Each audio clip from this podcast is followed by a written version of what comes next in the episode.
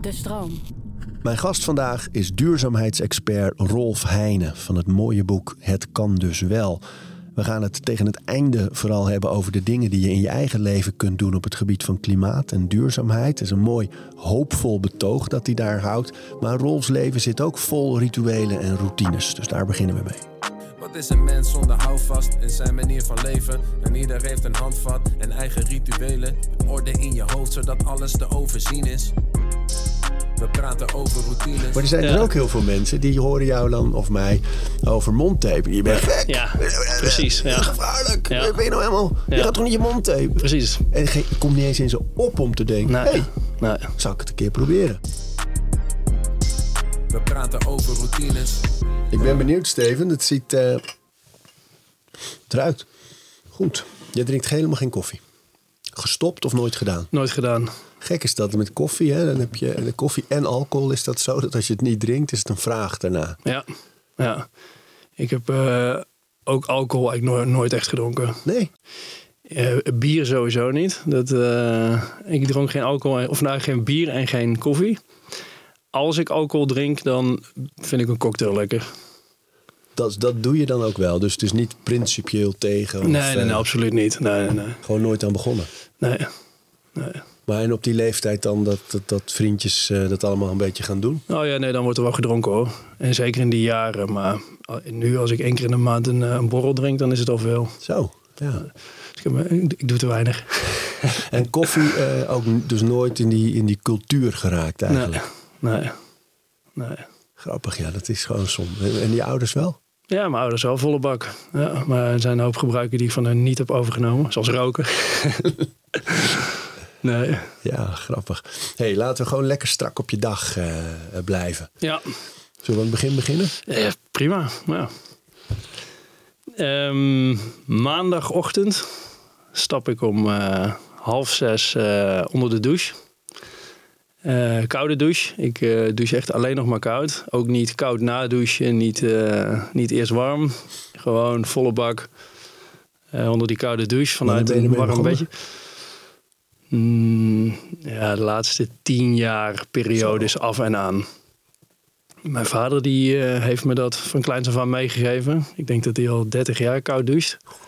Mooi hè dan? Ja, dat mensen voordat... Kijk, een, een hype is een hype. Maar oh, in deze is dat een hele, ook nog eens een hele goede hype. Ja, Maar het blijft wel ook, ook een hype, Ja. hoe goed het ook is. En dat sommige van die mensen daar dan voor. Dat zie je met natuurzwemmers ook zoveel. Van, precies. Ja. Iedereen duikt nu dat water in, maar die natuurzwemmers doen dat al jaren. Ja, ja. Maar is dat bij jou dan ook?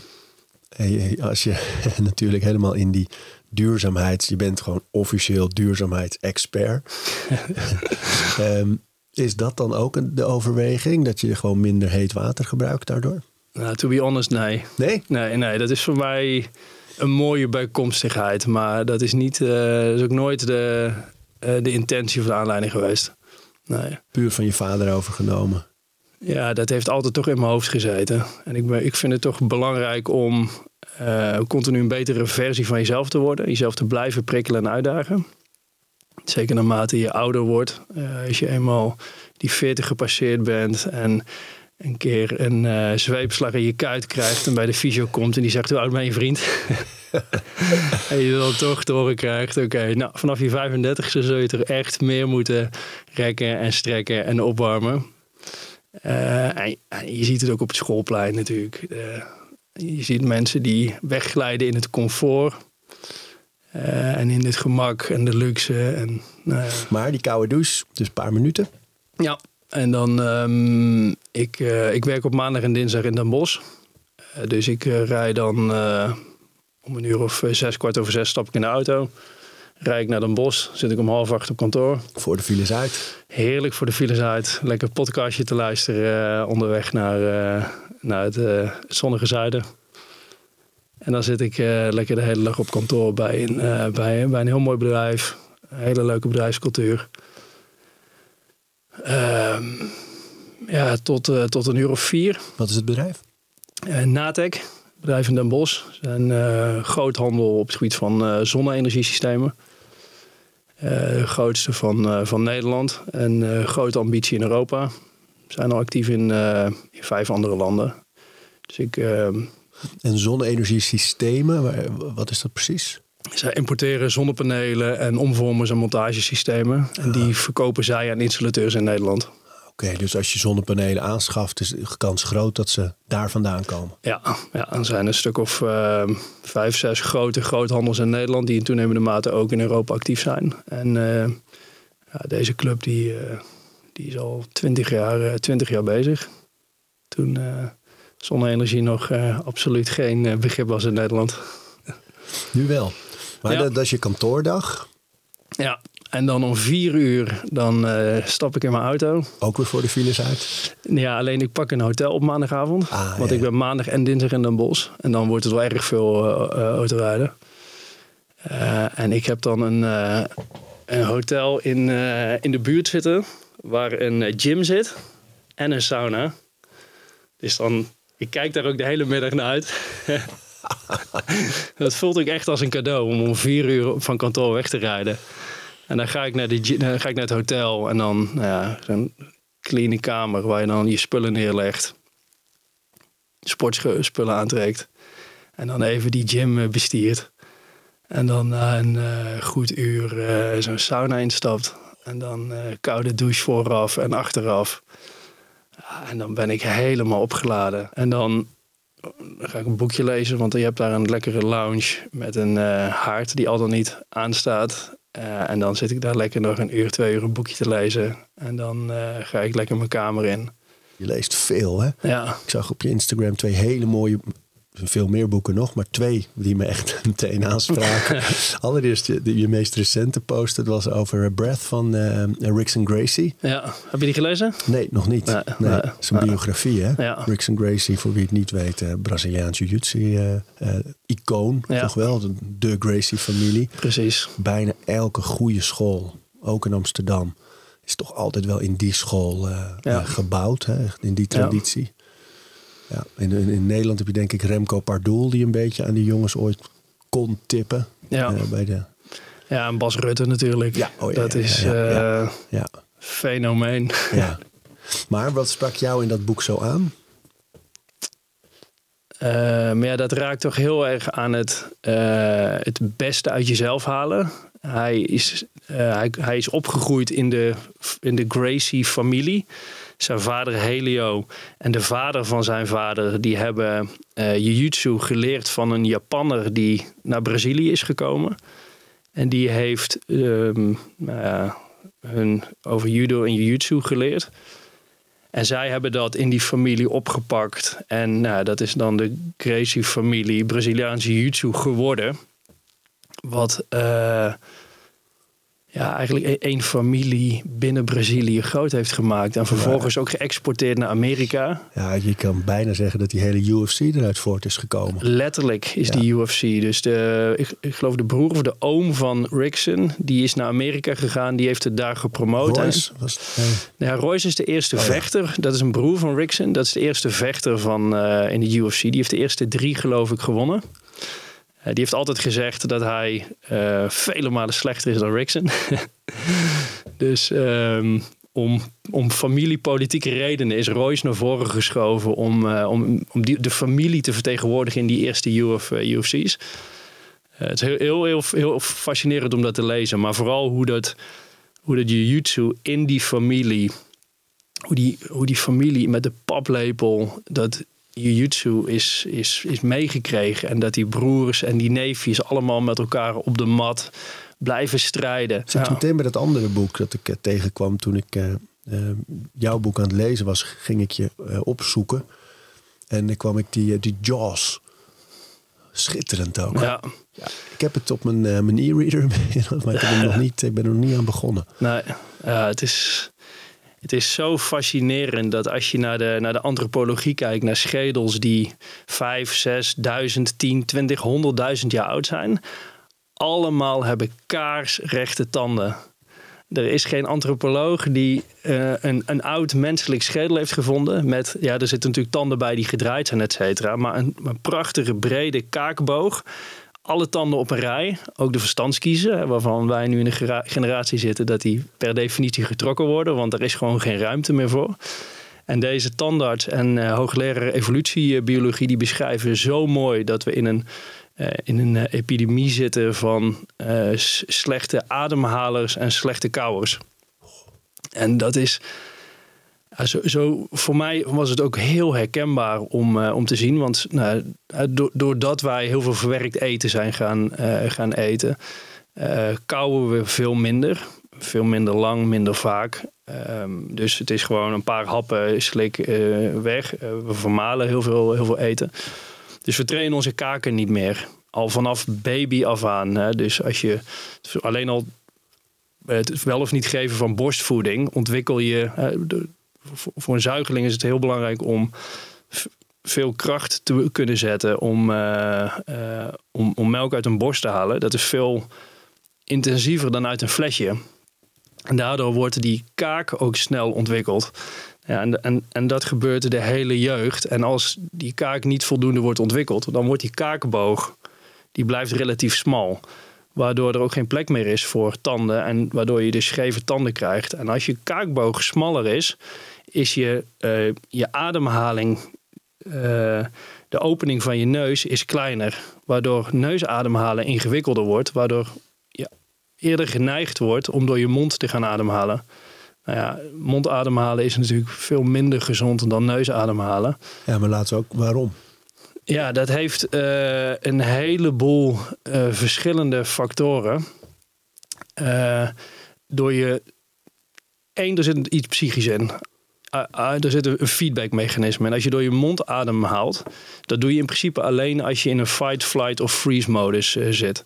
Dus in principe als je structureel door je mond ademt, dan wordt je, uh, je sympathisch zenuwstelsel licht geactiveerd. Nou, ik zit hier nu rustig. Uh, ik, ik, nou ja, mijn neus zit redelijk, uh, redelijk dicht. Ik hoorde het net ook toen ik zei.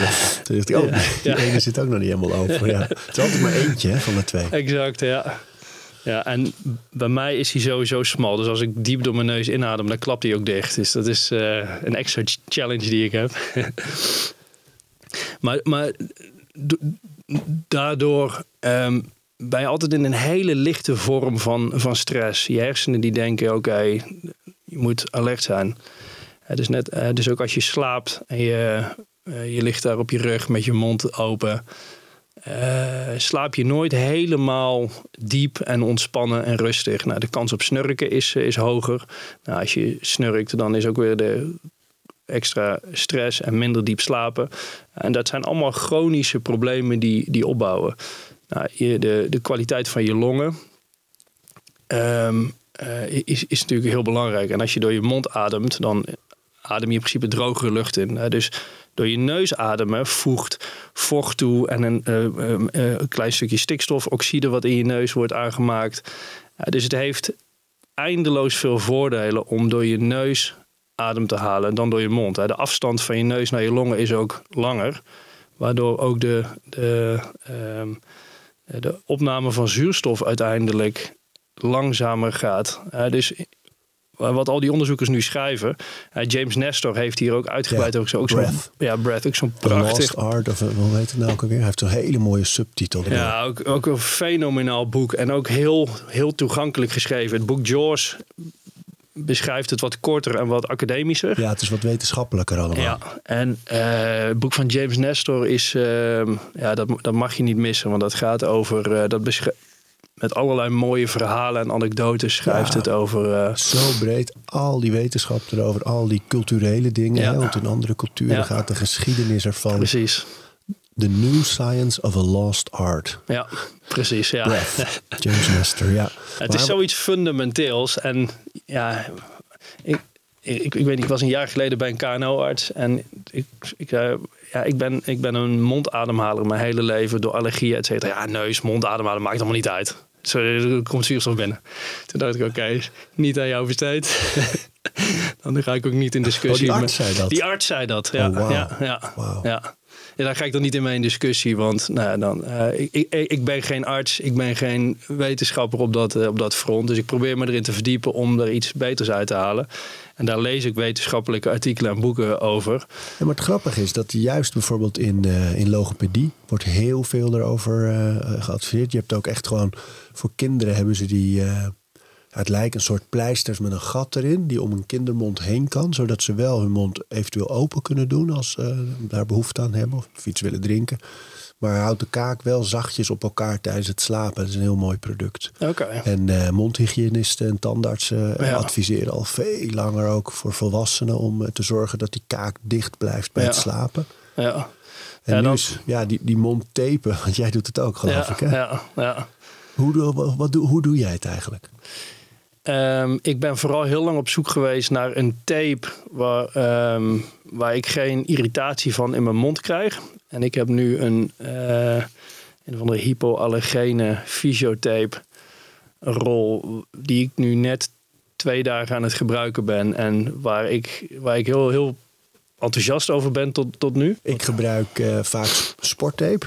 Ja. Ehm, gewoon eh, normaal sporttape. En eh, toen ik net begon ermee, ehm, deed ik echt over de lengte van mijn mond. Bijna al zoals je in films ziet eh, Ja. als er iemand ontvoerd wordt. Weet je wel, omdat toen merkte ik ook de, en dat ik vaak 's ochtends wakker werd en dat hij eraf was. Of er zat hij mijn ja. haar of, eh, of op een shirt geplakt. Of tegen de dekens en toen was ik er weer een kwijt. En op een gegeven moment plakte ik zelfs een paar van die strips zo op de rand van het bed. Dat ik wist, als ik hem kwijt ben, pak ik een nieuwe. Maar op een gegeven moment was ik gewend. ehm, en raakte ik ze niet meer kwijt. En nu doe ik echt nog maar, nou ik denk een, een duimtip. Weet je, Ja. zo'n klein postzegeltje bijna van tape. Ja. Doe ik over, soms zelfs over één kant, maar vaak in het midden. Ja. En dan blijft hij gewoon de hele nacht eh, blijft hij dicht. Dus dat vond ik ook wel een fijne bevestiging. Want ik kon nergens vinden hoe lang duurt het voordat je dan weer terug bent bij, bij neusademen. En Het verschilt enorm per persoon en structuur van je kaak en, eh, en je schedel natuurlijk. Ja, dat, ik, vond, ik vond dat heel mooi. Ik, ik doe hetzelfde, inderdaad, gewoon mijn pink van boven naar beneden. Ja. Gewoon een zo klein mogelijk stukje. Wat, wat, wat, wat in dat boekje van, eh van George heel mooi eh, terugkomt, is dat we onze kaken moeten trainen. Eh, omdat wij. ehm, als je s'nachts op. nou, ik lig, ik lig vaak op mijn rug of ik word op mijn rug wakker. Ik val in slaap op mijn linkerzij en ik word op mijn rug wakker. Ehm, en omdat onze kaken zo slecht ontwikkeld zijn, ehm, is de default modus van onze mond is ook openstaan. Eh, en als je nou ja, tussen de 4 en 8 uur probeert je kaken of je tanden echt op elkaar te houden en je tong tegen je gehemelte aan. En Ja, want daar heeft het mee te maken, hè? die tong. ja, die tong die moet tegen het gehemelte en je tanden op elkaar. En als je nou ja, dat vast weet te houden, dat dat je default modus is, dan, eh, dan wordt het ook in de nacht makkelijker dat je lichaam je, eh, je tanden op elkaar houdt. Dus dat, ja, dus dat is ook gewoon bewustzijn en de hele dag proberen te oefenen. Dat als je niet praat of achter je computer zit, eh geconcentreerd zit te typen, kaken op elkaar. Ja. Los van het recht zitten en door je neus ademen. Ik doe het nu vaak ook op de fiets. Dat ik eh, bewust dan het hele stuk neus adem. Ik fiets meestal drie kwartier van huis naar werk. En eh, dan echt zo dicht houden, neus ademen. En dan, ehm, dan raak je er heel erg van bewust. Ja. Maar het mooiste is als je het op een gegeven moment vergeet en erachter komt. Hé, hey, maar ik doe het nog. Precies, dat Yes. is het. Dat is het. Dat het in, in je systeem zit. Ja. Dat dat de basis is. Wat, wat merk jij in de ochtend als je het gedaan hebt? Ik, ik word ontspannen wakker. Veel meer dan wanneer ik dat niet doe. Dus ik, eh, ik, ik ben nu een periode bezig geweest met het vinden van nieuwe tape. Dus ik heb een periode het weer niet gebruikt. En dan werd ik wakker met echt een droge, droge mond. En alsof ik niet echt goed diep geslapen had. En ik word niet gestrest wakker. Maar ik merk wel het wakker worden met meer onrust in mijn lijf en in mijn hoofd. En nu de afgelopen dagen gebruik ik die tape weer. En ja, het, wordt gewoon, je wordt gewoon milder, Ja, milder wakker. Ja. Nou, ik vind die, eh, die droge mond vind ik het grootste verschil. Ehm, ik heb snurken. minder vaak eh, keelpijn. Mm. Dus eh, dat moet minder vaak naar de wc. Ook. Ja. En, eh, en het, ja, ik snurk niet. Maar ik heb wel af en toe, als ik eerder altijd, als ik op mijn rug lag, dat je wel die dan een keer kan hebben, weet je wel. Ja. Een knor. ja, dat je je omdraait of, of zelf daar wakker van schrikt. Dat is ook allemaal niet. Dus ik, ik weet ook van mensen eh, die heel erg snurken, dat het ook echt, dat is de reactie die ik misschien wel het meest krijg, van frisser wakker worden Ja, en eh, snurk niet meer. exact. Die ja. twee dingen, Ja. daar, daar krijg ik het meest terug van mensen die het dan een keer geprobeerd hebben, naar aanleiding van een post of een boek. Ja, het, het snurken speelt bij mij wel. Ik, ik snurk af en toe wel en dan krijg ik weer een por van mijn vrouw. Dus dan zijn we allebei wakker. Dus dat helpt natuurlijk ook niet in je nachtrust. Voor mij het allergrootste effect is dat mijn, uh, bijna al mijn allergieklachten weg zijn. Zo. Dus ik ben uh, vanaf, ik, vanaf de basisschool dat ik me kan herinneren, met na, vanaf het moment dat het dit weer werd, de zon gaat weer schijnen en iedereen wordt weer blij en gelukkig, ehm, was voor mij altijd die dubbele gevoel van kak, de pollen komen weer. En nou, ik merkte het heel snel aan mijn luchtwegen en altijd verstopte neus, branderige geïrriteerde ogen. En ik sport altijd veel en dan, ja, dan ben je weer sneller buiten adem. En um, van antihistamine uh, word ik ook altijd een beetje moe. Dus dat is ook, ook niet fijn. En nou ja, ik ben vorig jaar in ik denk februari, maart begonnen met het, uh, met het mondtapen. En ik heb het hele seizoen nul last gehad van uh, hooikoorts. Wat geïrriteerde ogen. Want ja, daar, ja die kan ik ook aftapen, maar minder, uh, minder, minder, functioneel. Maar ik heb gewoon echt voor het eerst ongeveer geen last gehad van, van luchtwegproblemen. Zo joh. Mooi man. Ja. Heerlijk als je zoiets vindt. Hè? Ja, ja, ja, ja. Maar dat is, dat vind ik nou het aller... Weet je, jij bent net zo... Dat heb ik ook. Van dat je dan iets leest soms zelfs de wetenschap er meteen bij kan pakken en dan echt zin krijgt om het te proberen. En als het dan ook nog werkt, dan kan je wel halleluja roepen. Maar er zijn dus ook heel veel mensen die horen jou dan of mij over mondtape. Je bent gek. Ja, precies. Ja. Gevaarlijk. Ben je nou helemaal... Je gaat toch niet je mond tapen? Precies. En het komt niet eens in ze op om te denken... Nee. Hey, nee. zou ik het een keer proberen? Nee. Desnoods doe je het niet s'nachts. Maar als je gaat stofzuigen, exact. of wat dan ook, probeer het man. is toch leuk? Ja, ik heb een keer een. Uh, was een boek van. Ik me er helemaal van. Zo kan ik het niet begrijpen. Dit. Van het enthousiasme daarover. van een. Uh, een keer een boek gelezen in mijn studententijd van een uh, oud hoofd van de CIA of zo. Die zei: ja, de wereld is op te delen in mensen die, die, die, die nieuwe dingen willen proberen en progressief zijn en uh, de, de toekomst en veranderingen met enthousiasme tegemoet zien. En de andere helft van de mensen die zijn conservatief van aard. En die zijn niet zo van het uitproberen van nieuwe dingen en zo. En nou ja, het is, het is natuurlijk een heel bot mechanisme om mensen in twee groepen te delen. Maar als ik naar mijn omgeving kijk, dan, dan merk ik dat wel. Dat er echt een groep is die, die enthousiast worden van ik stop met uh, ook ik, eet ook geen vlees meer of ik eh, begin ook met het tapen van mijn mond of ik ga, ben ook koude douches begonnen en er zijn echt een stel mensen die zeggen je bent hartstikke gek en waarom zou je dat doen en uh, het is er nergens voor nodig. Het is zo lekker comfortabel, een warme douche. En... Maar dat zullen ze niet zeggen over dat, uh, dat, dat iemand drie uur op een avond Netflix zit te kijken. Nee, nee, nee. Daar zullen ze niet van zeggen, je bent niet goed bij je hoofd, joh. Nee. Zit jij, zit je uren, zit je naar een scherm te kijken, gewoon Zittend? Ja, zittend. Je lijkt wel niet goed bij je hoofd. Ja, met een bak uh, ijs of uh, chips. dat zou niemand zeggen. Nee. nee, dat is de norm niet. Nee, ik wil even naar je boek, want ik heb er echt van genoten. Het kan dus wel. Alleen al die titel is natuurlijk hoopvol. het kan dus wel. En het gaat over het klimaat, ja. onder meer. Hè, maar ook over duurzaamheid in de breedste zin. En ik begon al ons gesprek met dat het, als het hier over deze thema's gaat, is het vaak doem. Hè? En dat, die doem schets jij ook in het boek van dit zijn de grote problemen, de grote thema's waar het eh, alom mis dreigt te gaan als het gaat over die overconsumptie, over bevolking, uh, al die dingen die daaruit voortvloeien eigenlijk.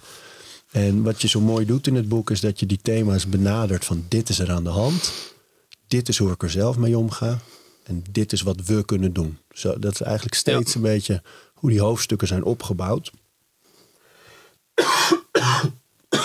Ik uh, heb me net even overschreeuwd, geloof ik. Hij blijft maar terugkomen, deze. Maar um, wat me mooi lijkt, ik had, ik had er een paar, uh, had ik ook even omgeslagen, omdat die zelf zo herken ook. En dat is um, minder kinderen, dat hoofdstuk. Ja. Ik, die, die heb ik eerlijk gezegd opgezocht nog voordat ik aan het boek begonnen was. Omdat ik Weet je, je hoort als. Ik heb het ook wel eens gekregen toen wij, toen wij Juniper kregen, onze derde. Ehm, dan krijg je heel veel felicitaties en heel veel lieve dingen. Maar er zitten altijd nog een paar bij. Ook zo, waarom een derde kind en de wereld is al overbevolkt. Ja. um, ja. Dan gaat het niet daar specifiek over. Maar dat hoofdstuk gaat wel over overbevolking. Hè? En dan, wat kunnen we daar nou aan doen? Ja, ja dat is... Um Eh, als je naar de VN-vooruitzichten kijkt, dan zie je dat de, de verwachting is dat we richting 10, 11 miljard einde deze eeuw gaan. Eind deze eeuw. En we zitten nu op 8 miljard. En uh, 200 jaar geleden zaten we op 1 miljard. Dus de hele wereldgeschiedenis heeft het geduurd tot 1800 om op tot 1 miljard mensen te komen. En in 200 jaar tijd zijn we richting de 8 miljard gegaan. Ja, er stond ergens een opmerking over uh, van, van een of andere nou ja, wel wat zonderling, uh, maar die, die maakt een heel sterk statement. De eerste persoon die duizend jaar gaat worden, is al geboren. Ja, ja. Dat lijkt me dat overdreven. ja, nou ja. Uh, maar? Je, je, weet het niet, want het is wel... Uh, gaat hard, hè? Ja, het, gaat het gaat heel hard. als je, ik weet niet of je David Sinclair hebt gelezen. Nee. Overleef fenomenaal boek. Dat is een, een, wetenschapper van, van Harvard die een onderzoeksgroep heeft en naar de frontlinies kijken van uh, hoe we oud hoe we ouder kunnen worden. Uh, en hij zegt, uh, ja, we, wij zouden moeiteloos 100, 150 gewoon kunnen worden. En er is geen enkele belemmering uh, biologisch waarom we niet ouder dan dat zouden kunnen worden. Um, dus als, als je kijkt naar bijvoorbeeld haaien of, of bomen, er zijn heel veel factoren die super vergelijkbaar zijn met ons lijf. Haaien worden echt een paar honderd jaar, hè? Ja, ja vooral haaien die meer richting de polen in het koudere water leven. Uh, die, die kunnen wel 500 jaar oud worden. Nou, dat is nou ja, 500 jaar geleden toen uh, kwam Columbus net in uh, Noord-Amerika aan, zeg maar. Dat is fantastisch. Bizar. Maar, kijk, ja, ik, ik denk altijd, we worden ouder dan ooit, maar we zijn vooral ook langer ziek ja. dan ooit. Alleen het punt is dan natuurlijk in dat hoofdstuk van we worden nu al ouder dan ooit. Het gaat alleen maar meer worden. Dus, dus we zijn straks met echt veel. We zijn nu al met veel te veel, maar dat ja. wordt alleen maar erger. Ja. En de oplossing? Ja, het, het, het, is heel dubbel. Want um, we kunnen met 8 of met 10 miljard mensen zouden we prima duurzaam op deze wereldbol kunnen leven. Maar niet met het huidige consumptiepatroon. En dat gaat niet alleen over de hoeveelheid spullen die we, die we consumeren, maar vooral ook de, de hoeveelheid vlees die, die geconsumeerd wordt. Dat drukt, drukt een bovengemiddelde stempel op de, op de aardbol. Uh, maar wat, wat heel hoopgevend is, is dat um, in 1950 werden er, had, werden er gemiddeld vijf kinderen per gezin geboren. Uh, dan, dan gaat het heel hard. En inmiddels is het wereldwijd gemiddelde 2,2, 2,3. en als we naar het punt van 2,1 gaan, dan zit je op een, um, op een, st stabiel niveau. Dus als, als gemiddeld 2,1 kinderen worden geboren, dan neemt de wereldbevolking niet toe en hij neemt niet af. Dus als we onder die 2,1 weten te duiken als, uh, als wereld, dan gaat de wereldbevolking uiteindelijk krimpen. Nou, en hoe komen we daartoe? Is natuurlijk dat de welvaart toeneemt. Dus mensen worden welvarender, uh, krijgen toegang tot onderwijs, toegang tot zorg, informatievoorziening over familieplanning, over anticonceptie. en dan zie je dat landen die in mijn vooroordeel, waarvan ik dacht, nou, in die landen daar worden verschrikkelijk veel kinderen geboren voordat ik echt hier in dit onderwerp dook. Mexico, Iran, Bangladesh, India, China. Ja, die zitten allemaal al op of ruim onder die 2,1. En in, een, in, in 1, 2 decennia is dat resultaat geboekt. En dat is met name door investeren in, in onderwijs. Dus als we nu kijken naar wat de. Ja, bijvoorbeeld China, daar wonen nu 1,4 miljard mensen. Maar, maar omdat die al zo laag zit, wordt verwacht dat eind van deze eeuw de Chinese bevolking op, op 6 of 700 miljoen zit. Dus die halveert bijna. Dus, is, dus, dat, dat, is bizar. En er zijn natuurlijk een heel aantal landen waar die, waar die uh, bevolkingsgroei nog steeds zit. Met name een hoop uh, landen in, uh, in Afrika. Maar wat heel hoopgevend was toen ik een, een studie uit uit de Lancet tegenkwam. Die zeiden als wij de, de, deze decennia inzetten in, in, in, het, in, het geven van onderwijs, met name aan meisjes, en informatievoorziening over familieplanning en toegang tot anticonceptie, um, dan kan de wereldbevolking deze eeuw niet alleen dalen, uh, of, of ja, die, die kan dan zelfs dalen. En zeker als we maximaal erop inzetten, kan de wereldbevolking dalen naar 6, ik geloof 3 miljard mensen deze eeuw. Dus dan, dan hebben we niet 11 miljard mensen. Maar als we heel erg inzetten op armoedebestrijding en uh, toegang geven tot onderwijs en anticonceptie, et cetera. Dan kunnen we dus een, de wereldbevolking doen krimpen en tegelijkertijd een grotere groep mensen meer toegang tot welvaart geven. Fantastisch. Ja, dat, is, dat is voor mij een klassieke win-win situatie. Revolutionair. De revolutionair. En het, en het, eh, het domme hiervan is, we weten precies wat we daarvoor moeten doen. En het gebeurt niet. En, Nee, maar en dat dat, is het gekmakende van heel veel van deze thema's. Ja, want dat, dat, dat voel je ook in het schrijven. Want dat is in heel veel hoofdstukken is dat de conclusie. En we zijn ook wel ermee bezig, maar niet genoeg en niet allemaal. En dat is het grote verschil. Hè? Ja. Ik vind dat, ehm, ik, ja, je ziet het, ik had heel veel ezelsoren. maar Mooi. mensen moeten dit boek ook gewoon gaan lezen.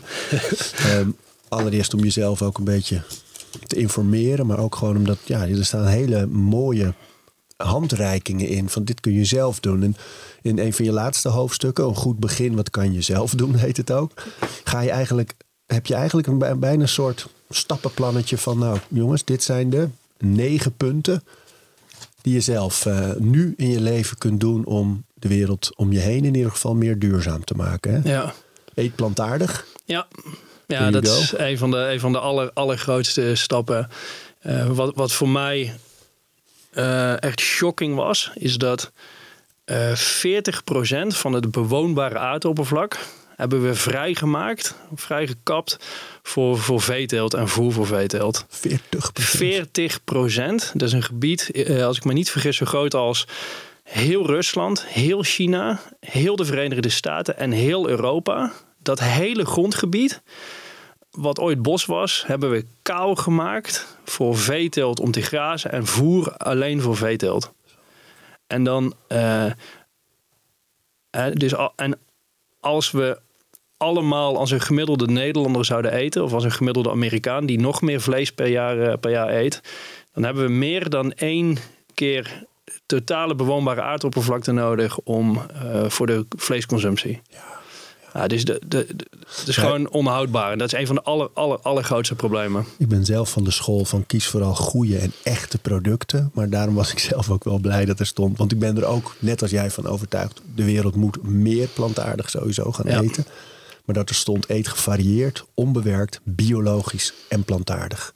Vind je Ja. overstappen moeilijk? Begin dan met minderen en eet maximaal twee keer per week vlees of vis. Ja.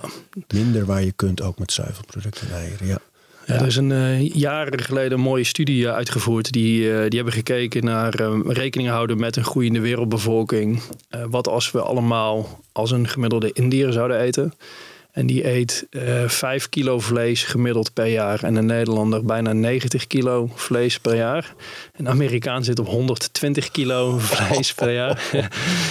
Ehm, maar dan zou je dus als een Indiër maximaal twee keer in de week vlees, eh, vlees eten. dat dus is dan, ook veel meer hoe het eigenlijk altijd geweest is. Hè? Dat Exact. En dan hoor je mij dus niet zeggen, eh, als je vlees eet, eh, dan ben je, dan ben je de, duivel. Ja.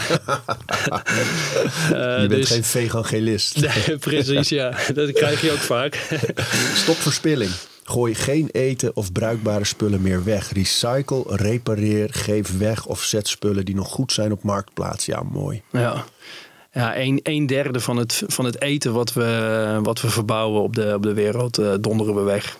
Ja, dat is... Ongelooflijk. Dus al- alleen al als we dat probleem zouden aanpakken, dan... eh, Ja, maar dat is het. En dat is bij elk is dat te zeggen. Alleen al als we dat doen en als we het allemaal doen. Deze aflevering van Overroutines wordt aangeboden door Squarespace. Een alles-in-één platform waar je je eigen website kunt bouwen en beheren. Het maakt niet uit of je producten, diensten of je passie met de wereld wil delen. Het kan allemaal bij Squarespace. Ik noem even kort drie handige functies van het platform. Met het ontwerpsysteem kan je makkelijk je website vormgeven en het helemaal eigen maken. Squarespace analyseert hoe je website presteert en wat er voor nodig is om je bedrijf online verder te laten groeien. En ook kan je abonnementen en exclusieve content aanbieden aan betalende leden. Start nu je gratis proefperiode via squarespace.com/overroutines. En ben je klaar om je website echt te lanceren? Gebruik dan de code overroutines. Dan krijg je 10% korting op je eerste aankoop van een website of domein. Is het gewoon hoopvol? hè? exact. Bespaar energie. Isoleer je huis. Stap over op elektrisch koken, verwarmen. Stop onnodig stand-by verbruik. Wat is dat ook alweer? Als je ehm, eh, vaak rond je televisie, dan staat je televisie, daar zit vaak een dvd-speler. eh, Sommigen hebben ook nog een spelcomputer of een, eh, Computer Het- in de sluimerstand. Ja, of het kastje van, de, van al de providers die dan in de sluimerstand staan. En die gebruiken vaak toch nog een serieus aantal watts aan, aan energie. Ehm, ja, dus die zetten die uit. En, en, en wat, leuk is om, om te doen is... koop eens gewoon zo'n energiemeter bij een, eh, bij een Praxis voor 10 of 15 euro. Of doe dat met je straat. Eh, en ga eens met elkaar kijken waar zit het sluipverbruik. Je hebt natuurlijk je koelkast en je vriezer. Die moeten natuurlijk gewoon de hele tijd eh, aanstaan. Ehm, maar, maar de rest, veel van die apparatuur is, ja, dat heet sluipverbruik. Bijvoorbeeld, er is een... Als je een oplader, hè, als je een oplader van je telefoon of computer ehm, erin laat zitten terwijl je niet aan het opladen bent, doet, is, is dat nog iets? Nee, in principe toch? gebruikt dat, eh gebruikt dat niet. Nee, nee, nee. Er is jaren geleden heeft er een eh, hoogleraar uit Delft, die heeft een leuke studie eh, gedaan. Die heeft gekeken bijvoorbeeld je deurbel. Ja, iedereen die heeft wel zo'n deurbel zitten en zo'n klein transformatortje Ja. in je meterkast. Dat ding dat verbruikt dus standaard ongeveer 5 watt. Heel Europa is dat, als ik me niet vergis, het equivalent van één of meerdere kolencentrales. Die staan te loeien voor die deurbel die twee keer per dag één seconde wordt ingedrukt. Over, ik vond dat heel mooi weergeven over de verspilling van ons energiesysteem. En wat we alleen al door, dan hoeven we er niet op achteruit te gaan. Maar als we dat slimmer doen, We weten het niet. dat, hè? is, dat het. is het. Ja, dat is het heel erg, ja. Ja. ja. Ja, ik denk we weten het niet. Van dit soort zoiets, dit wist ik bijvoorbeeld niet. En soms weten we het wel, maar is het ook wel makkelijker om je kop in het zand te steken? ja. En, Ja. en ik herkende, in een van je hoofdstukken beschrijf je ook dat je vrienden over de vloer hebt en dat jullie eh, soja, tofu, wat dan ook, in het gerecht hadden. En dat ze je echt een beetje veroordeelden van hé, hey, maar jullie, en Ja. eh, je hebt het altijd over het klimaat en de duurzaamheid. En voor die soja worden hele bossen gekapt. ja. En, en, en dat is denk ik heel herkenbaar voor veel mensen. Ik, ik herken dat zeker zelf. Dat ik me soms niet in het openbaar te veel uitspreek over verduurzamen. ehm, omdat ik zelf nog niet alles op orde heb. Ik Nee. heb nog geen zonnepanelen hangen bijvoorbeeld. Wil ik wel heel graag. Schande. Ja, nou, nou echt. Nee, maar echt. Ik weet, je zegt het lachend voor iedereen die het niet hoort. Wordt Ik het te lachte, ik dat je heel ja. streng bent. Maar dat is voor ons de volgende stap. Zijn we Ja. nu gewoon voor aan het sparen. Daar komt het gewoon op neer. Ja.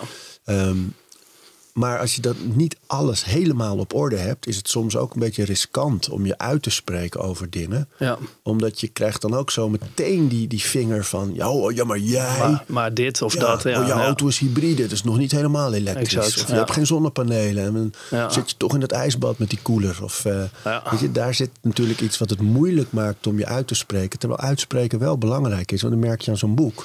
Als je die dingen blijft herhalen en blijft benoemen, dan leren we natuurlijk. En dan zetten we kleine stapjes in de goede richting. Ja, mensen worden snel defensief als ze voelen dat ze iets moeten doen of dat ze iets nog niet goed genoeg doen. En daarom, eh, ik, ik spreek mensen nooit aan op, eh, op hun gedrag. En ik probeer gewoon te vertellen wat ik doe. eh, maar ook vooral wat ik nog niet doe. Want er zijn ook heel veel dingen die ik, die ik nog lang niet, niet goed doe. Ehm, en ik vind altijd belangrijk, probeer 1% per dag te verbeteren. Dat is echt jouw adagium, hè? Ja, ja, ja ik vind dat eh 1% eh, is, dan denk ik, ja, is dat te veel gevraagd? Ken je dat boek van James eh, Clear, Atomic Habits? Ja, ja, ja, ja machtig. Ja. Het begint met die anekdote over de Britse wielerploeg. En die Britse wielerploeg die had nooit iets betekend. Eh, Er was geen, geen gouden medaille, geen wereldkampioenschap... en geen honderd jaar ook iets betekenisvols gedaan. Ja. Er kwam een nieuw eh, hoofd voor de Britse wielerploeg... en die ging op elk vlak kijken. Dus niet alleen de logische dingen zoals voeding en materiaal... en dat soort slaap, natuurlijk daar ook. Maar ook ging hij bijvoorbeeld kijken... hé, hey, de fietsen worden vervoerd in een vrachtwagen... die nu van binnen een donkere kleur heeft... waardoor je het stof niet ziet. En als stof in de kettingen van die fietsen komt... scheelt fractie van secondes op de tijden. Dus dat moet wit zijn. Ja. Op dat niveau was hij naar alles aan het kijken. Op alles een Optimaliseren. beetje. Nou, toen kwamen Chris Froome en Cavendish... en die Britse wielerploeg was jarenlang verreweg de beste ter wereld. Ja, alles, 1% was precies zijn doel. ja, dat is het. En dat werkt ook. Ik, ik, ik zag laatst een, eh, een post van, misschien was dat van James Clear, die vertelde dat als je eh, iedere dag 15 minuten aan, aan één specifiek onderwerp eh, werkt, dus als je 15 minuten per dag piano speelt een jaar lang, dan ben je na een jaar beter dan 95% van de rest van de wereld. We hebben het over 15 minuten. En Ja. dat, is, dat is natuurlijk wel zo. En het gaat uiteindelijk om consistency. Ja. Eh, dus als je... Daar begint hij het boek mee, met die stonecutter, die quote. Is van Jacob Ries. Ja. En dan zegt hij, als ik het niet meer weet, ga ik naar de steenhouwer. Dan kijk ik hoe die op die steen slaat. 80 keer, 90 keer, 100 keer. En de 100 eerste klap splijt die steen. Maar ik weet dat het niet die klap was die de steen spleet, maar Alle te ervoor, ja. Ja, ja. Mooi. Ja, dat is net als dat je naar de, naar de sportschool gaat en eh, resultaat wil zien. Ja, dat he- heb je niet na één keer. Als je in de spiegel kijkt na een jaar, dat je denkt, oh, wauw, na een eh, jaar eh, zie ik ineens resultaat. Eh, of als je op aan het hardlopen bent, dat je denkt, hey, ik heb ineens 10 kilometer gelopen. Het is me gelukt, zonder dat het... eh, Met je weightvest zag ik je met weightvest, hè? ja, ja, ja, ja. Ik zag dan toch een extra challenge eh, daarin. Hey, en investeer in duurzame energie. Bedoel je dan echt investeren als in je, je gaat ergens aandelen in? Of bedoel je thuis investeren in zorgen dat jouw, de energie die jij gebruikt duurzaam is? Ja, beide. Kijk, iedereen die heeft natuurlijk een andere, andere portemonnee. Eh, Dus er zijn mensen die, die gewoon sociale huren wonen. Die, die, die hebben ook niet direct de mogelijkheid, die zijn geen eigenaar van het dak. Eh, maar eh, die- kunnen natuurlijk wel de woningbouwcorporatie zeggen: luister vriend, ik wil dat je daarin investeert. Eh, dus eh, investeer is investeer de moeite in, in het verbeteren. Eh, ik, we hebben heel lang in een eh bedrijfsverzamelgebouw eh, kantoor gezeten. Ja, en ik heb, te- ik heb tegen die eigenaar gewoon steeds lopen porren. Leg nou zonnepanelen op het dak, leg nou zonnepanelen op het dak, leg nou zonnepanelen op het dak. Nou ja, na twee jaar legden die zonnepanelen op het dak. en ditzelfde de gedeelde restaurant. Ik zei, waarom hebben jullie geen vega-opties? Ja, dat eet niemand. Dus nou ja, maand later, waarom heb je nou geen vega-opties? Net zolang totdat het op, op het menu stond. En uiteindelijk... ehm, we, hebben ervoor, we zitten nu in een wereld waar de default fossiel is. De default is, is vervuilen. De default is vlees eten. De default, bla bla bla bla bla. Ja, en we moeten gewoon weer terug dat de default is schoon. We, willen geen, we willen geen luchtvervuiling. Niemand wil luchtvervuiling. Eh, niemand wil eh, honderden toxische stoffen in zijn lijf hebben die hormoonverstorend zijn of mogelijk kankerverwekkend zijn, et cetera. Maar het is wel de situatie waar we nu met elkaar in zitten. Niemand wil dat. Oké, dus er zijn een heleboel uitgangspunten waar we ook politiek gezien van links tot rechts het allemaal met elkaar eens zijn. Dus het gaat veel meer over de, over de oplossingen. En de oplossingen zijn er. En dan kun je zeggen, willen we een beetje meer die mix of een beetje meer die mix. We moeten gewoon een pad kiezen waarvan we zeggen, oké, binnen dit spectrum is dat, dat is gewoon acceptabel. En binnen die grenzen gaan we de komende 10, 20, 30 jaar is dat het investeringsklimaat. Daar gaan we naartoe werken. En dan dwing je bedrijven en individuen om daar aan aan te passen en naartoe te bewegen. Maar kijk, en dan, dat is het grote plaatje, hè? maar voor onszelf. Hè? Dus je hebt ook nog bijvoorbeeld herstel de natuur. Plant zoveel mogelijk bomen, groen in je tuin of op een balkon. Of steun dingen als eh, Eden Reforestation Projects, Just Dig It, Trees for All. Ja. Spreek je uit, daar had je het nu eigenlijk over. Van Ja. benoem het, benoem het, vraag erom. Ja, Investeer in zich ontwikkelende landen met een hoog geboortecijfer. Daar had je het net aan het begin al over. ja. Stop met vervuilen. Hè. Eh, Het gaat over de plastic en de andere dingetjes. Dus koop minder spullen.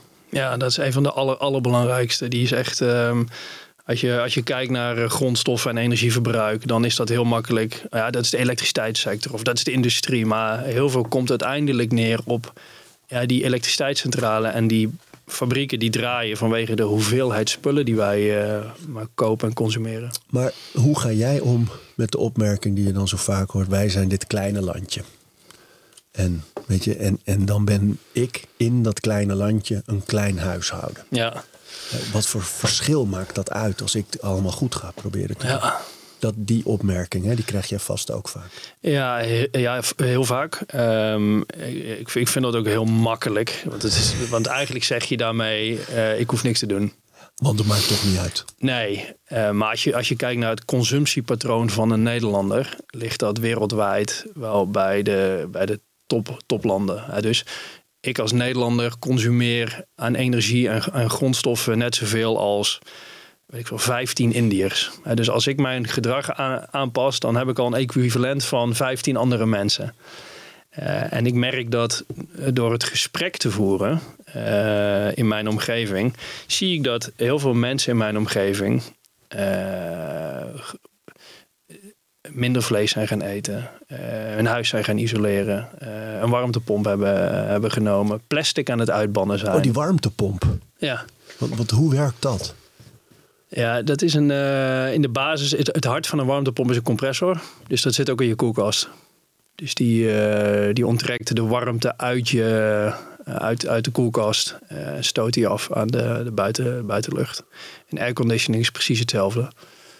Het, is, het, het, het is een apparaat wat veel efficiënter is dan, dan het verbranden van, van gas of steenkool of, of olie. Want van een airconditioning hoor je juist altijd, ja, dat kost heel veel energie. Want ik heb zo'n eh, zo'n zo'n cool Kione Cold heet dat. Zo'n coolbox voor een ijsbad. En, eh, maar die durf, durf ik bijna niet te gebruiken tot ik zonnepanelen heb. dus ik doe dat heel spaarzaam. Ja, Maar, ehm, want dat zijn vreters. zeker. En ja. zo'n warmtepomp niet. Ja, een warmtepomp vreet ook energie. Maar als je bijvoorbeeld... ehm, nou, een, een gemiddeld huis in Nederland gebruikt 1500 kuub gas. Een gemiddeld huis. Eh 1 kuub gas staat gelijk aan ja, tussen de 8 en 10 kilowattuur. Dus een gemiddeld huis verbruikt 3000 kilowattuur aan stroom en 1500 kuub gas. Maar die 1500 kuub gas die is eigenlijk dus equivalent aan heel- 15.000 kilowattuur. Dus, dus dat, dat, dat is enorm. En dat wil je elektrificeren met een warmtepomp. Nou, een- je hoeft dat niet één op één te elektrificeren. Want omdat een warmtepomp efficiënt is, omdat hij een groot deel van de energie uit de buitenlucht haalt of uit de bodem. eh, er zijn verschillende bronnen, of uit de oppervlaktewater, daar kun je, kun je van alles voor, eh, voor kiezen. Eh, he- heeft hij dan een COP? Daar heb je misschien wel eens van gehoord. Dat is dan een COP van, van 4. Waar staat dat voor? Coëfficiënt of power. Nou, ik word nu op mijn vingers getikt dadelijk door mijn, allemaal, allemaal peers. Vandaag niet om vier uur naar je hotel met je haardvuur, jongen. nee, Studeren. huiswerk doen. Ehm, maar die COP die zegt iets over de, over de efficiency van, eh, van het systeem. En als je bijvoorbeeld een, eh, een bodembron hebt, die is efficiënter dan wanneer je buitenlucht gebruikt. Omdat de buitenlucht in de winter is die veel kouder. En, en als je de bo- bodem gebruikt, is gewoon stabiel, bijvoorbeeld 10 graden. Ehm, maar als je dus teruggaat naar je huis, dan heb je 15.000 kilowattuur om te verduurzamen. Als je daar een warmtepomp voor pakt, dan hoef je die, die COP kun je dan gebruiken. Nou, laat ik hem even, eh, even drie om het makkelijk te rekenen. Dan kun je dus die 15.000 delen door drie. Dus dan heb je nog maar 5000 kilowattuur nodig om je warmtepomp op te laten eh, draaien. En daar kun je dus je hele huis mee verwarmen. Als je je huis nog ietsjes beter, of eh, nog iets beter, nog veel beter gaat isoleren, dan gaat die 5000 misschien wel naar 4000 of misschien wel naar 3000 kilowattuur. Isoleren, dat, dat, weet, daar hou je ook geen rekening mee dat dat zoveel verschil uitmaakt. Ja, Hè? ja, ja, en dat, en dat maakt Je hebt heel veel voorzetwanden thuis, zag ik. binnen. Wacht, binnen. Binnen, ja. ja. Ik heb ik, ik- zes, jaar, nee, ja, zes jaar geleden een totaalrenovatie gedaan, een jaren 30 huis. Dus we hebben een, eh, een heel goed label. Mijn vrouw was, die was heel boos. Terecht ook. ik weet wat je gaat zeggen, staat in het boek. Ja. Maar vertel het zelf. Ja, zeg maar eerlijk, billen bloot. Ik, ik, ik ging natuurlijk helemaal los met het verduurzamen van het huis. Ehm, ja, eh, jaren 30 huis, dus een tussenwoning. Dus enkel steentse muur ook naar de buren. Dus ik ging en ervoor zorgen dat het huis naar buiten goed geïsoleerd was om je energielasten laag te houden. En ik heb geluidsisolatie gedaan naar de buren. Want ja, vooral met twee jonge kinderen wil je natuurlijk ook niet de bron van eh, burenconflict zijn. Dus nou, die verbouwing was bijna klaar. En toen zei ze ja, en nu gaan we werken aan het interieur. Toen was het geld Toen was het budget op. Maar een heel mooi energielabel. Ja, dat wel. Ja, ja. Daar, daar kon ze lekker op zitten. zonnecollector. Wat, wat, hoe wer- ik, ik, ik ga eigenlijk alle dingen af die ik zelf vaak geadviseerd krijg. Want wij Ja. wonen in een oude boerderij. Echt een monumentale... eh, echt, echt nog uit 1783 of zo. Maar de, onze woonkamer is de oude stal. Ja. En we hebben wel een isolatielaag onder het rieten dak. Maar daar zijn nog wel enkele ramen bijvoorbeeld. En het is een oud pand, dus er zitten veel kieren en zo. Ja, En ehm, ik, iemand zei laatst, misschien moet je zo'n eh, zo'n zonnecollector collector, ja. Ja, je, je hebt twee typen zonnepanelen. Eén is de, zon, de zonnepanelen die je bijna overal ziet liggen. Daar liggen inmiddels 2 miljoen huizen hebben inmiddels zonnepanelen in Nederland. Eh, en die wekken elektriciteit op.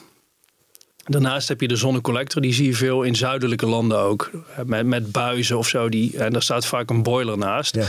die, die zet licht om in warm water. en zeker ehm, ja, dus in, aanvulling van je, van je, als je een cv-ketel hebt, of ook zelfs met een warmtepomp, kan. Want hij haalt heel efficiënt warmte daar, zet, zet hij daarin om. Ja, dus voor je tapwater en voor je cv is het een uitstekende mogelijkheid om uh, uh, daar warm water mee te maken, of zelfs om te bufferen. je kunt uh, in. het gaat allemaal om gemiddelde, maar gemiddeld huis, als je twee of een 500 liter boiler neerlegt met een aantal collectoren, of zelfs een hybride systeem. Je hebt ook zonnepanelen die stroom opwekken en aan de achterkant de warmte onttrekken uit de zonnepanelen, waardoor de zonnepanelen efficiënter worden.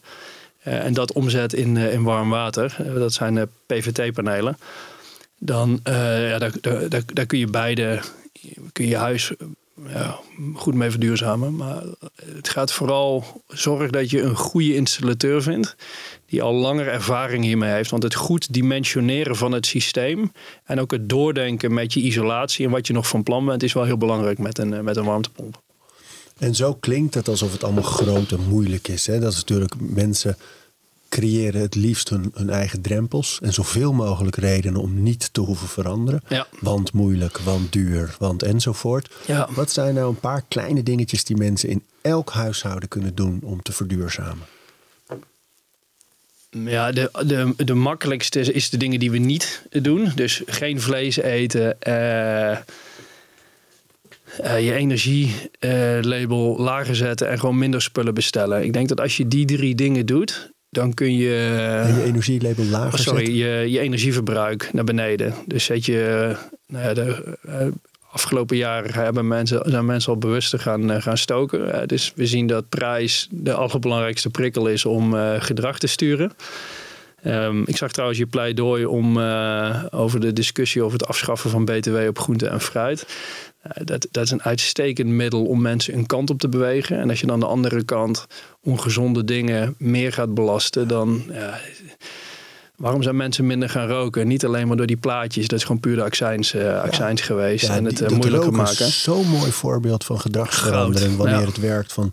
Ja. Dus die plaatjes helpen wel iets. Maar de, de prijs natuurlijk het meest. En het feit dat je erom moet gaan vragen. Ja. Ja. Dat je het niet meer zomaar kan pakken. Maar dat je echt moet zeggen... Hé, hey, mag ik die Marlboro Lights van je? Ja, die, uh, ja. ja en, wat, en, en, en wat ik um, hier nog sterker aan vind... Kijk, voor roken is geen alternatief. Want het alternatief voor roken is niet roken. Dus zeker als je er ja, door, door gewoontes of door nou ja, je het zo fijn vindt. Het is niet dat je een groene sigaret kunt pakken die totaal niet gezond is, of die wel, wel gezond zelfs uh, voor je kan zijn. Uh, en met duurzame energie is het ja. American Spirit, iets lichtere tabak, maar verder kom je niet. Nee, precies, nee. precies. En, en in huis is het natuurlijk wel, als je je gasketel eruit haalt, wat natuurlijk een verbrandingsapparaat in huis is, of je uh, je gaskookpit in je woonkamer, die echt zorgt voor slechte lucht in je woonkamer, ongezonde slechte lucht. Ja, het alternatief is gezondere en een. Uh, dus dus daar, daar, daar zijn wel betere alternatieven voor. En, dat, en, ja, ik, ik, ik, was zo depressief geraakt de afgelopen tien jaar van de literatuur over de ellende waar we op, op, afkomen. Ja, en er zijn namelijk gewoon dus gewoon goede alternatieven. Je, je dagelijks gebruik uh, en, en gewoon voor de samenleving. En ik probeer gewoon 1% per dag te verbeteren. Dus ik ben van reguliere tandpasta overgestapt naar die. Je mag merken hier noemen toch? Ja, joh. Die ja. pilletjes van, uh, van Smile. Oh ja, ja. Ja, ik, en ik krijg iedere keer gewoon een refill uh, opgestuurd. Uh, super blij mee. Ja, want, want, dat zijn die pilletjes die doe je en dat gaat, ja, dat is eigenlijk gewoon tandpasta. Ja, daar kauw je op en daar poets je vervolgens je tanden mee. Ja.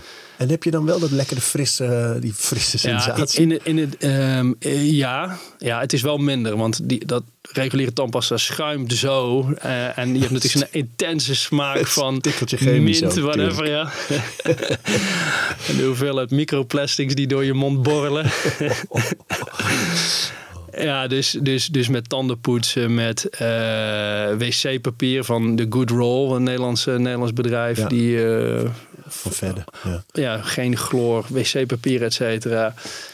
Um, ik koop mijn, uh, veel van mijn kleding en truien. Nou, deze toevallig niet, maar uh, dit wel. Van, bij Bamigo. Um, we hebben ons, ons beddengoed uh, onlangs, of vorig jaar vervangen. Uh, zijn we overgestapt naar uh, Tencel. Ehm, nieuw type, supergoed ademend, anti-allergisch. Mensen met huidproblemen schijnen daar in één keer enorme stappen te maken. Dat is van uh, Coco en Sisi, ook een fantastisch product. Um, ik had het altijd uh, te koud en mijn vrouw vaak te warm in, in, in bed. Is, is weg met dit, met dit beddengoed. Um, Zo joh. We zijn uh, alle plastic drinkbekers uh, zijn er inmiddels uit. En vooral al die drinkbekers met van die plastic tuutjes waar de kinderen zo lekker op konden kauwen. Uh, gewoon eruit. De pannen met die Teflon PFAS lagen eromheen, die zijn we eruit aan het knikkeren. Ja, er is. Stapje voor stapje. Ja, 1% per dag. dus je ook niet. het, het is gewoon een proces. En ik, en ik merk dat dat, dat het heel overweldigend is als je hierin stapt. Hè. De problemen zijn zo groot. En het gaat uiteindelijk om handelingsperspectieven. Dus als iedereen in zijn eigen leven probeert kleine stapjes te zetten en daarin te verbeteren. Dat hoeft ook niet van de een op de andere dag dat je een uh, bamboeknagende hippie, hippie wordt. Ja, en ik denk ook dat, dat het er ook over gaat. Jij hoeft in je eentje niet die wereldproblematiek op te lossen of te dragen. Maar de voldoening die het geeft dat je zelf kleine stappen zet. Van, ik, ik weet toch dat wij uh, verhuisden en dat, nu wonen we in Apkoude en daar wordt uh, het afval gescheiden opgehaald. Dus je hebt een dag voor uh, alle plastic soorten, je hebt een dag voor het groen, je hebt een dag voor restafval. Ja. Um, en, en dat wij nog tegen elkaar zeiden, ja, hoeveel plastic, hè? dan halen ze dat echt helemaal op. Je, hoeveel kan het nou zijn? Nou, dat is gewoon verreweg het meest. Dus Ja, veel meer dan restafval. Ja, ja bizar. Want daar hè? zitten de melkpakken bij, of, de, of wat, wat je al maar voor melk alternatief gebruikt. Ja, Alle verpakkingen nog uh, van supermarkten en zo. ja. Ah, zelfs iedere appel heeft een eigen stickertje. Ja, En als je weet vaak om... maar daar is nu een nieuwe wet volgens mij, eh, komt eraan. Ja, van, ja, binnen ja. de EU. Ja, dat, ja, precies. De EU die is. eh, E- er is heel veel mis met de EU. Maar de EU is ook wel de grote aanjager voor de energietransitie. En om pesticiden en toxische stoffen uit te bannen. En om ons te beschermen daar, eh, daartegen. Dus daar op een aantal fronten kunnen we echt eh, onze blote knietjes de Europese Unie hiervoor heel erg bedanken. Maar het feit dat je een appel. Hè, er, zit, er, zit, er zitten zoveel microplastics in onze landbouwgrond. die uiteindelijk via wortels toch in ons groente en fruit terechtkomen. Dan heb je een appel waar vaak ook nog een waslaagje overheen gedaan wordt. om hem eh, mooier te laten glimmen en hem langer houdbaar te maken. Dan wordt er vervolgens ook nog een stickertje overheen geplakt. Waar in de lijm of in de inkt die erin zitten vaak ook nog hormoonverstorrende stoffen, stoffen in zitten. Het is om gek van te worden als je dit, eh, dit ziet. Dat je, dan kun je bijna niet zo eten als je daar eh, te, te veel op gaat zetten. Oh man, maar ja, ik denk, dacht ook weer bij het lezen van jouw boek steeds aan die quote van Jane Goodall. Hè, van ehm, Think global, act local. Ja. Dus je moet je echt wel verhouden tot die wereldproblematiek. En Ja. dat echt wel je daarover informeren en ermee bezig zijn. Maar handel lokaal. Van, Exact. eh, Doe wat jij kan doen in jouw omgeving. En die kleine stapjes Ja. geeft je en heel veel voldoening. En ik, ik geloof toch ook echt in dat type energie dat je samen creëert in verandering. Ja, ja wij, wij, wij merken dat het, het geeft ons een beter gevoel door, door die stappen te doen. Ehm, de portemonnee heeft daar voordelen bij, zeker met, die, met zonnepanelen natuurlijk en isolatie. Eh, en ik merk met een heleboel kleine stappen dat mijn gezondheid, mijn energieniveau, wordt, wordt er ook beter van. Dus het is niet alleen maar we moeten minder en we moeten erop achteruit en we en, en, en verduurzamen. Alles wordt moeilijker en duurder. Nee, we creëren een betere, kwalitatievere en gezondere wereld als we die, die stappen zetten. En ja, dat, dat ligt voor het op, oprapen. Dat is het, eh, het verrangen er ook van. Ook het mooie. Heb je de tape nog gevonden net toen ik even naar de wc ging? Goed dat je zei. Jazeker, die heb ik gevonden. Dat is eh Fysiotape en dit heet Cure Tape Gentle. Cure gewoon C-U-R-E? C-U-R-E, ja, Cure Tape Gentle van eh F- ja, Fysiotape heet de, heet de website. En dat is een eh nou ja, hypoallergene eh, mondtape. Of uh, fysiotape. Ja, ja, goed niet, dat je hem zegt. Want ik krijg ook, ook wel vaak inderdaad dat mensen zeggen... ja, tape over je mond, adem je dan niet die lijm in? En, en in mijn gedachte is dan altijd... nou ja, je ademt juist door je neus. Maar aan het begin adem je toch, probeer je toch nog wat door die mond te krijgen. Ja, natuurlijk. het komt dat ga je toch- wel merken. Ja. komt, komt toch inderdaad. Ja. Ja. Dus leuk om deze te kunnen tippen dan. ja. Het kan dus wel is het boek van Rolf Heijnen. Rolf Heijnen. En dat is met een Y. Is je Instagram? Andere plekken waar ze je kunnen vinden? LinkedIn ben ik vooral heel actief. Ik zit nog niet zo lang op Instagram. Daar ben ik opgegaan om een boek uh, ja, wat, wat mee te doen. En ja, LinkedIn doe ik heel veel, maar dat is wat meer het zakelijke en uh, veel over energie. Ja, mooi. Ja. Leuk dat je er was, man. Super bedankt voor de uitnodiging. Erg leuk om hier te zijn. Dank. Yes, jij ook. We praten over routines. Dankjewel voor het luisteren. En voordat je weer doorgaat naar andere dingen, wil ik je nog even wijzen op Over Inspiratie. Dat is het mailtje dat ik elke donderdag rondstuur met drie tips. Dingen waar ik zelf veel aan gehad heb. Kunnen producten zijn, artikelen die ik gevonden heb online, onderzoeken uh, Instagram-accounts, podcasts, boeken, van alles eigenlijk. En ik denk dat je daar zelf ook veel aan kunt hebben. Dus vind je het leuk om dat mailtje elke week te ontvangen? Dan kun je je opgeven op ariboomsma.nl onderaan de pagina. Dan krijg je voortaan elke donderdag in je mailbox over inspiratie.